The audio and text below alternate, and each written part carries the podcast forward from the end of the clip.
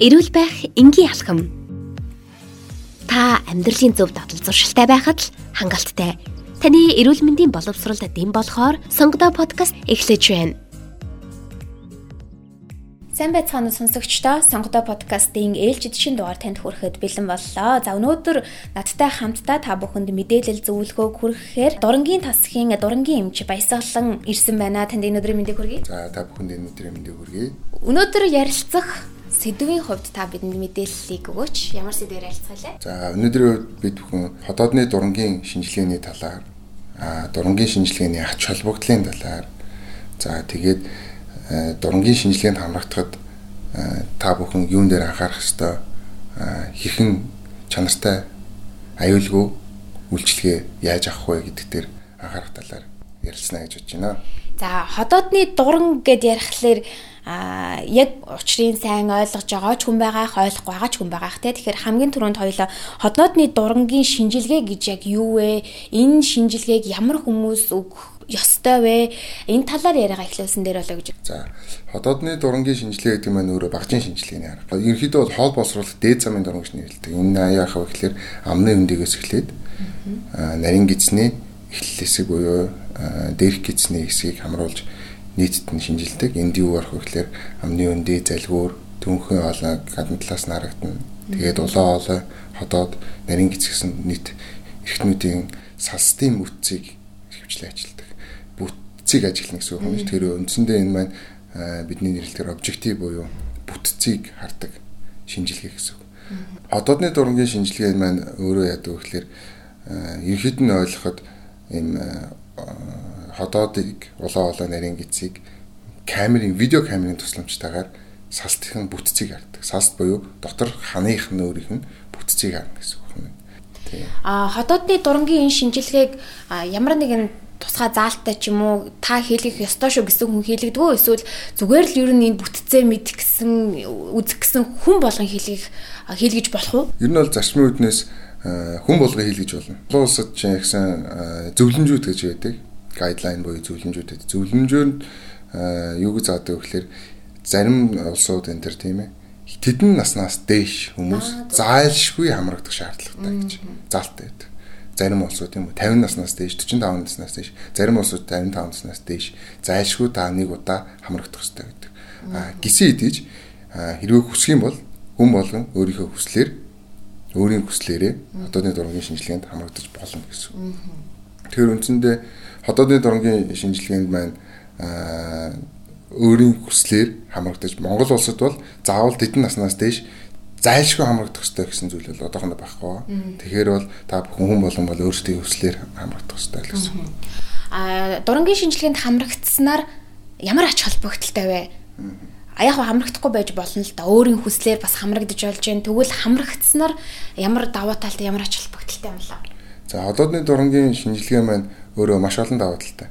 Маш олон ач холбогдолтой гэсэн үг. За хамгийн нэгдүгürt ерөөхдөө хүмүүс ажиглахад голцоо өөртөө ямар нэгэн зовөр үүссэн. Хоолны шинг заалдагсан айлгаа дээр нүвдэж байгаа эсвэл цээж нь хорсдог гихмшлингийн өргөндлөөр зовөр үсгэр эмч тандаад хөвчлээ одоодны дурангийн шинжилгээнд хамрагддаг. Аа гэтэл бол ихэнх зарим нэг төрлийн өвчнүүд ямар нэгэн зовөргүй өөрөөсч идэг Ялангуяа хорт авдрын төрлийн өвчнүүд өөртөө зовөр үүсгэд хорт авдар аль хэдийнэ нэлийн нэлийн одоо адвансд хэлбэрлүүгээ шилжсэн тохиолдолд бол яг өөрсдөө би зовөр үүсдэг гэсэн. Тэгэхээр бол ер нь бол зарчмын үднээс ходоодны дуранд хамрагдах нь нэлээд ач холбогдолтой гэж юм тийм үү. Тэгэхээр ер нь бол яах ёстой гэхлээр хамгийн эхлээд та зовөртэй ч байсан, зовөргүй ч байсан нэг удаа хамрагдах хэрэгтэй гэсэн. Жишээлх юм бол одоо манай эмнэлэг дээр бид нэр Японд улсад хэрэглэгдэх нэг тийм английн системийг нэвтрүүлсэн ажиллаж байгаа. Тэгэхээр энэ маань юу гэсэн ямар систем бэ гэхэл Kyoto classification буюу Kyoto-гийн англи систем гэсэн. За энэ нь юу гэсэн үг гэхээр ходоодны дурангаар бид бүхэн ходоодны дотор ханын салстын бүтцийг харж байгаа тийм үү. Тэр бүтцээр нь хараад тэнд илэрж байгаа шинж тэмдгүүд нь ийм бүртгэж аваад тэр бүртгэл дээрээ суурлаад онооны системтэй, скор системтэй. Онооны системээр оноо гардаг гэсэн. Тэгэхээр тухайн систем нь бол үндсэндээ 0-8 хүртэл оноо авдаг гэсэн. оноо нь ахих тусам ходоодны хорт авдар тусах эрсдэл нь өндөр үл явдаг гэсэн. Тэгэхээр зарчим нь яаж ийнэ вэ гэхээр хамгийн анх удаа нэг удаа ирээд ходоодны дуран хийлгээд тэргээрээ үнэлүүлээд таны оноо жишээ нь 0 эсвэл 3 5 8 ч гэж байна тийм. Тэгэхээр өндөр байх тусмаа та давтан дуранд байнга хянуулж явах хэрэгтэй гэсэн. Эрсдэлтэй учраас. Тэгэхээр эрсдэлтэй гэдэг маань э, эрсдэлтэй гэдэг бол эрсдэл гэсэн үг шүү. А тэгвэл яг хорт авдартай гэсэн үг шүү шүү тийм ээ. Тэгэхээр эрсдлээ тогтоочгоор та хэрвээ өндөр эрсдэлтэй байх юм бол ойр ойрхон хугацаанд дурандуулаад явах юм бол хизээ нэгэн цагт хорт авдар тусдаг юм бол эрт үед нь илрүүлээд та хорт авдраар амнасаа алдах эсвэл хорт авдраас олж ходоодоо тайруулах эрсдэл бол яг багасна гэсэн үг. А тэгэхээр бол яг нь та өөрөө сонгоод нэг удаа ирээд хамгийн анхныхаа дурангийн шинжилгээг хийлгчүүл бол дараа дараагийн та өөрийнхөө эрүүл мэндэд анхаарах боломж нь илүү нэмэгдээ явчихна гэсэн үг юм шүү дээ. Өөрийгөө илүү том эрсдлээс хамгаалах боломжтой гэсэн үг. Тийм байна. А ходоодны дуран хийлгэж байгаа хүмүүс зарим нь тэгдэж штэ. Аа жоохон хэцүү хийлгэхэд жоохон тийм зарим нь ходоодны дуран бас сайн гэдэг. Зарим нь болохоор жоохон муу үр дагавартай штэ ч гэдэг юм амд амьдсан яриануд байдаг л та. Тэгвэл ходоодны дуран маань ямар нэгэн сөрөг шинж чанарууд илэрдэггүй. Муу сайн гэдэг ойлголтын хувьд бол хүмүүс тэгж ярьдаг л байна. Муу юу сайн уу гэдэг. Мэдээж таны амар дуруу ороод ходоод руу орж очиж мэдээж ивгүй. Аа тэгтээ хүмүүс ойлгодог. Энэ бол өвддгүү шинжилгээ. Аа за. Өвддгүү, өвчин мэдэрдгүү гэсэн байна шүү дээ. Хамгийн төвхтэй нь яадаг вэ гэхээр амар ороод улаан хоолоогоор орж байгаа учраас бид бүхэн ингээд хүмүүс амдаа гараа гэд бөөлждөгтэй адилхан яг тийм мэдрэмж төрөх нь шүү. Дотор муухай өргөж бөөлж мөр өгүүлмаар мэдрэмж төрнө. Тэр нь мэдээж хүн мэдээж ивгүй тийм үү? А тэгтэл одоо бол мэдээж манад харцангуй сайн дурангийн одоо салбар хөгжснөөр танд одоо сонголт үүссэн. Хүмүүс сонголттой болсон. Жишээ нь та унтуулгатайгаар дундуулж байна Унтуулгатай гэдэг нь яадаг вэ гэхээр таны судсанд баг зэргийн нойрсуулах бодисгээд богино хугацаанд унтуулад хурдан сэрээд ингээд шинжилгээ явуулчихдаг. А та тэгэхээр шинжилгээний явцад болж байгаа үйл явдал танд мэдрэхдэггүй гэсэн үг байна шүү дээ. Тодорхой хэмжээнд унц таагийн өндрөмж бол төрөхгүй гэсэн. Тэгэхээр одоо бол сонголт байх нь шүү дээ тийм ээ. За нэгдүгээр тэр. А хоёрдугаар тэр сайн уу муу юу гэдэг дээр бол яадаг вэ гэхээр ойрхон дурандуулах муу өнтер гэж ярьдаг хөөе хөвчлэн. Ойрхон дурандуул. Шинэ шаардлага нь байвал ойрхон дурандуулахад ямар ч аюулгүй байх нь шүү дээ. Ходоодны дурангийн шинжилгээ бол нэлээд өндөр түвшинд аюулгүй байдаг. Баг зэргийн эрсдэл үүсэх тохиолдол бол байдаг.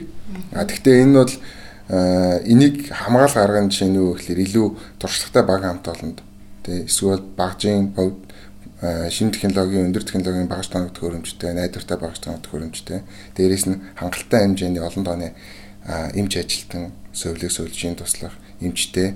Тэгээд эмчин эмчилэгч нь өөрөөсөө чадварцсан олон жилийн туршлагатай баг хамт олонд хандах юм бол энэ эрсдэл бол яг маш бага хэмжээнд байдаг. Оогт эрсдэлгүй анаахынд оогт эрсдэлгүй зүйл гэж бол яг маш авар байдаг. Маш авар оогт эрсдэл а зүгээр хүнийг үзэхэд шин дээр харж ажиллахад бол эрсдэлгүй л бах тийм. Тэгэхэд ямар нэгэн багш танилаа орж байгаа тохиолдолд мэдээж эрсдэл үүсэх боломж бол байгаа. Туршлагатай хамт олонд хамтах юм бол гэж тэгж юм л та. Яг нөгөө миний дараагийн асуух гэж байгаа асуулттай холбоотой байна. А дурангийн энэ шинжилгээнд ходоодны дуранд одоо орохын тулд хаана хандхаа мэдэхгүй, ямар эмнэлэгт хандхаа мэдэхгүй, энэ бүх зүйлээ мэдэхгүй байгаа зөндөө хүмүүс байгаа л да. Тэгвэл та энэ хүмүүстээс зөвлөгөө мэдээлэл өгөөч. Юун дээр анхаарах вэ? Ходоодны дурангийн шинжилгээнд хамрагдахын тулд хувь хүн юуг бэлдсэн байх шаардлагатай вэ? Одоо жишээлбэл маргааш нэг ходоодны дурангийн шинжилгээнд орох гээд хүн ирлээ гэж бодоход хамгийн түрүүнд юуг харж юунд бас өөрийгөө бэлдсэн байх шаардлагатай вэ? За тэгэхээр үндсэндээ шинжилгээнд хамрагдахын өмнө за эхлээд өөрийгөө эрхэн бэлтгэдэг талаар тийм үү? Тэгэхээр ходоодны дотор ханыг шалгаж байгаа учраас хүн бол үлэн байх хэрэгтэй. Дотор салст маань хоосон, ходоод маань хоосон, үлэн байх хэрэгтэй. Тэгэхээр та бүхэн өөр өдөр нь 5 юм уу 6 цагаас хойш хоол идэхгүй. А тэгтээ шингэн ус харцай ууж болно. Сүүсүүн бүтээгдэхүүн болох тэрэлж болохгүй. Тэгэд нэг 12-оос дээш цагийн хугацаанд хоол идээгүй байхад бол энэ хангалттай хэмжээнд бэлтлээ гэж болно. А бэлтгэлийн хувьд бол юм. А энэ бол манай эмнэлэг дээр гэсэн үг шүү. А тэгэхээр ирээд солих хувцс, а тэнд хэрэглэгдэх салфетэг, босод одоо хэрэгслүүд энэ бүгд бэлэн байдаг учраас зөвхөн үлэн байхад л болчихно гэсэн. За эмнэлэгт хандахын хувьд бол хүн хүслээр хандах хэрэгтэй өөрийнхөө сонголтоор хаана очиж сонгох. А тэгвэл зөвхөн сонголтын үед бол чинь хувь хүний зүгээс яаж сонгох хэрэгтэй вэ? Надад чинь миний зүгээс би өөрөө эмнэлэг сонгох боллоо гэж бодох юм бол яаж сонгох хэрэгтэй вэ гэж би боддог вэ гэхээр манайх нэг тийм өрөм сандлага байт юм санагдав. Шин юм дэйгөө дуртай. Шин нэмлэг гарч ирэхээр шин нэмлэгт очиж ханддаг. Аа зөвөр гадны орнууд өндөр хөгжсөн анагахан өндөр хөгжсөн орны иргэд яаж ханддаг вэ гэхэлэр хамгийн олон жил доктортой үйл ажиллагаа явуулаад гарсан эмнэлэгт очиж ханддаг гэсэн. Тэгээ шинэ эмнэлэгт бол өвчтөнтэй байх магадлал их бага байдаг хөөе тийм үү та. Тэгэхээр бол яг би шинэ өөрөө сонгож тохиол хамгийн туршлагатай олон жилийн хугацаанд үйл ажиллагаа явуулсан. Аа тэгээд доктортой чанартай үйл ажиллагаа явуулгаараа одоо нэртэй ч юм уу тиймэрхүү эмнэлгийг сонгоно нэгдүгээр.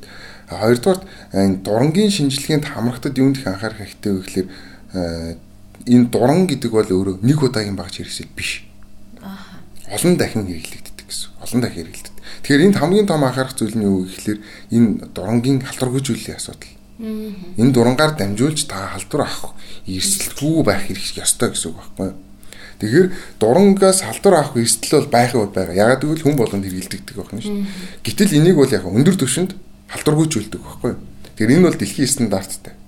Дэлхийн стандартын дагуу дуран халдвардгүйжүүлдэг, ариутгадаг тийм газар хандснаар та өөртөө тэр үүсэж байгаа халдвар авах эрсдэл бол яг байхгүй болно гэсэн.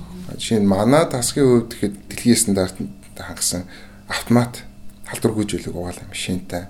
А тэрэндээ хамгийн сүүлийн үеийн халдвар гүйжүүлэх бодис энэ төр хэрэгэлдэг нь.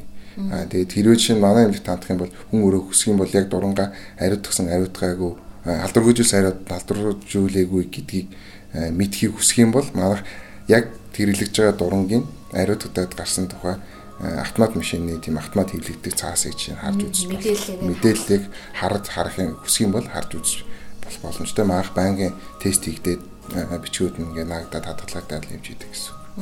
За баярлалаа. Сонготой подкастыг сонсож байгаа сонсогч та бүхэндээ энэ удаад ходоодны дурангийн шинжилгээний талаар зөвлөгөө мэдээллийг ходоодны дуран хүний биед хэрэгтэй юу, хэрэггүй юу гэх мэтчлэн хүмүүсийн дунд өрнөдөг маш олон асуултын хүрээнд мэрэгжлийн эмчээс та бүхэнд зөвлөгөө мэдээллийг авч хүргэлээ. Маш их баярлалаа. Ходоодны дуран бол таны хүслээр та хизээл бол хизээ хамрагдах боломжтой. А ходоодны дурангаас айх шаардлагагүй бусдын одоо амар шүү, хэцүү шүү гэдэг үгэнд бити автаараа хамгийн гол нь таны эрүүл мэнд шүү гэдгийг бас сонсогчд маань ойлгож авсан болоо гэж бодож байна. Танд маш их баярлалаа. Ажилд амжилт хүсье. Аа баярлалаа. Сонготой подкастын түрээд өндөрлөж байна. Дараагийн дугаараар уулзтлаа. Түр баяртай. Сонготой подкастын ээлжид шин дугаар танд хүрлээ. Та дэлхийн хаанаас ч гэсэн Castbox, SoundCloud, YouTube гэсэн сувгуудаар сонгодог подкаста хүлээн авч сонсоорой. Таны эрүүл мэндийн мэдлэгт зориулав. Сонгодог подкаст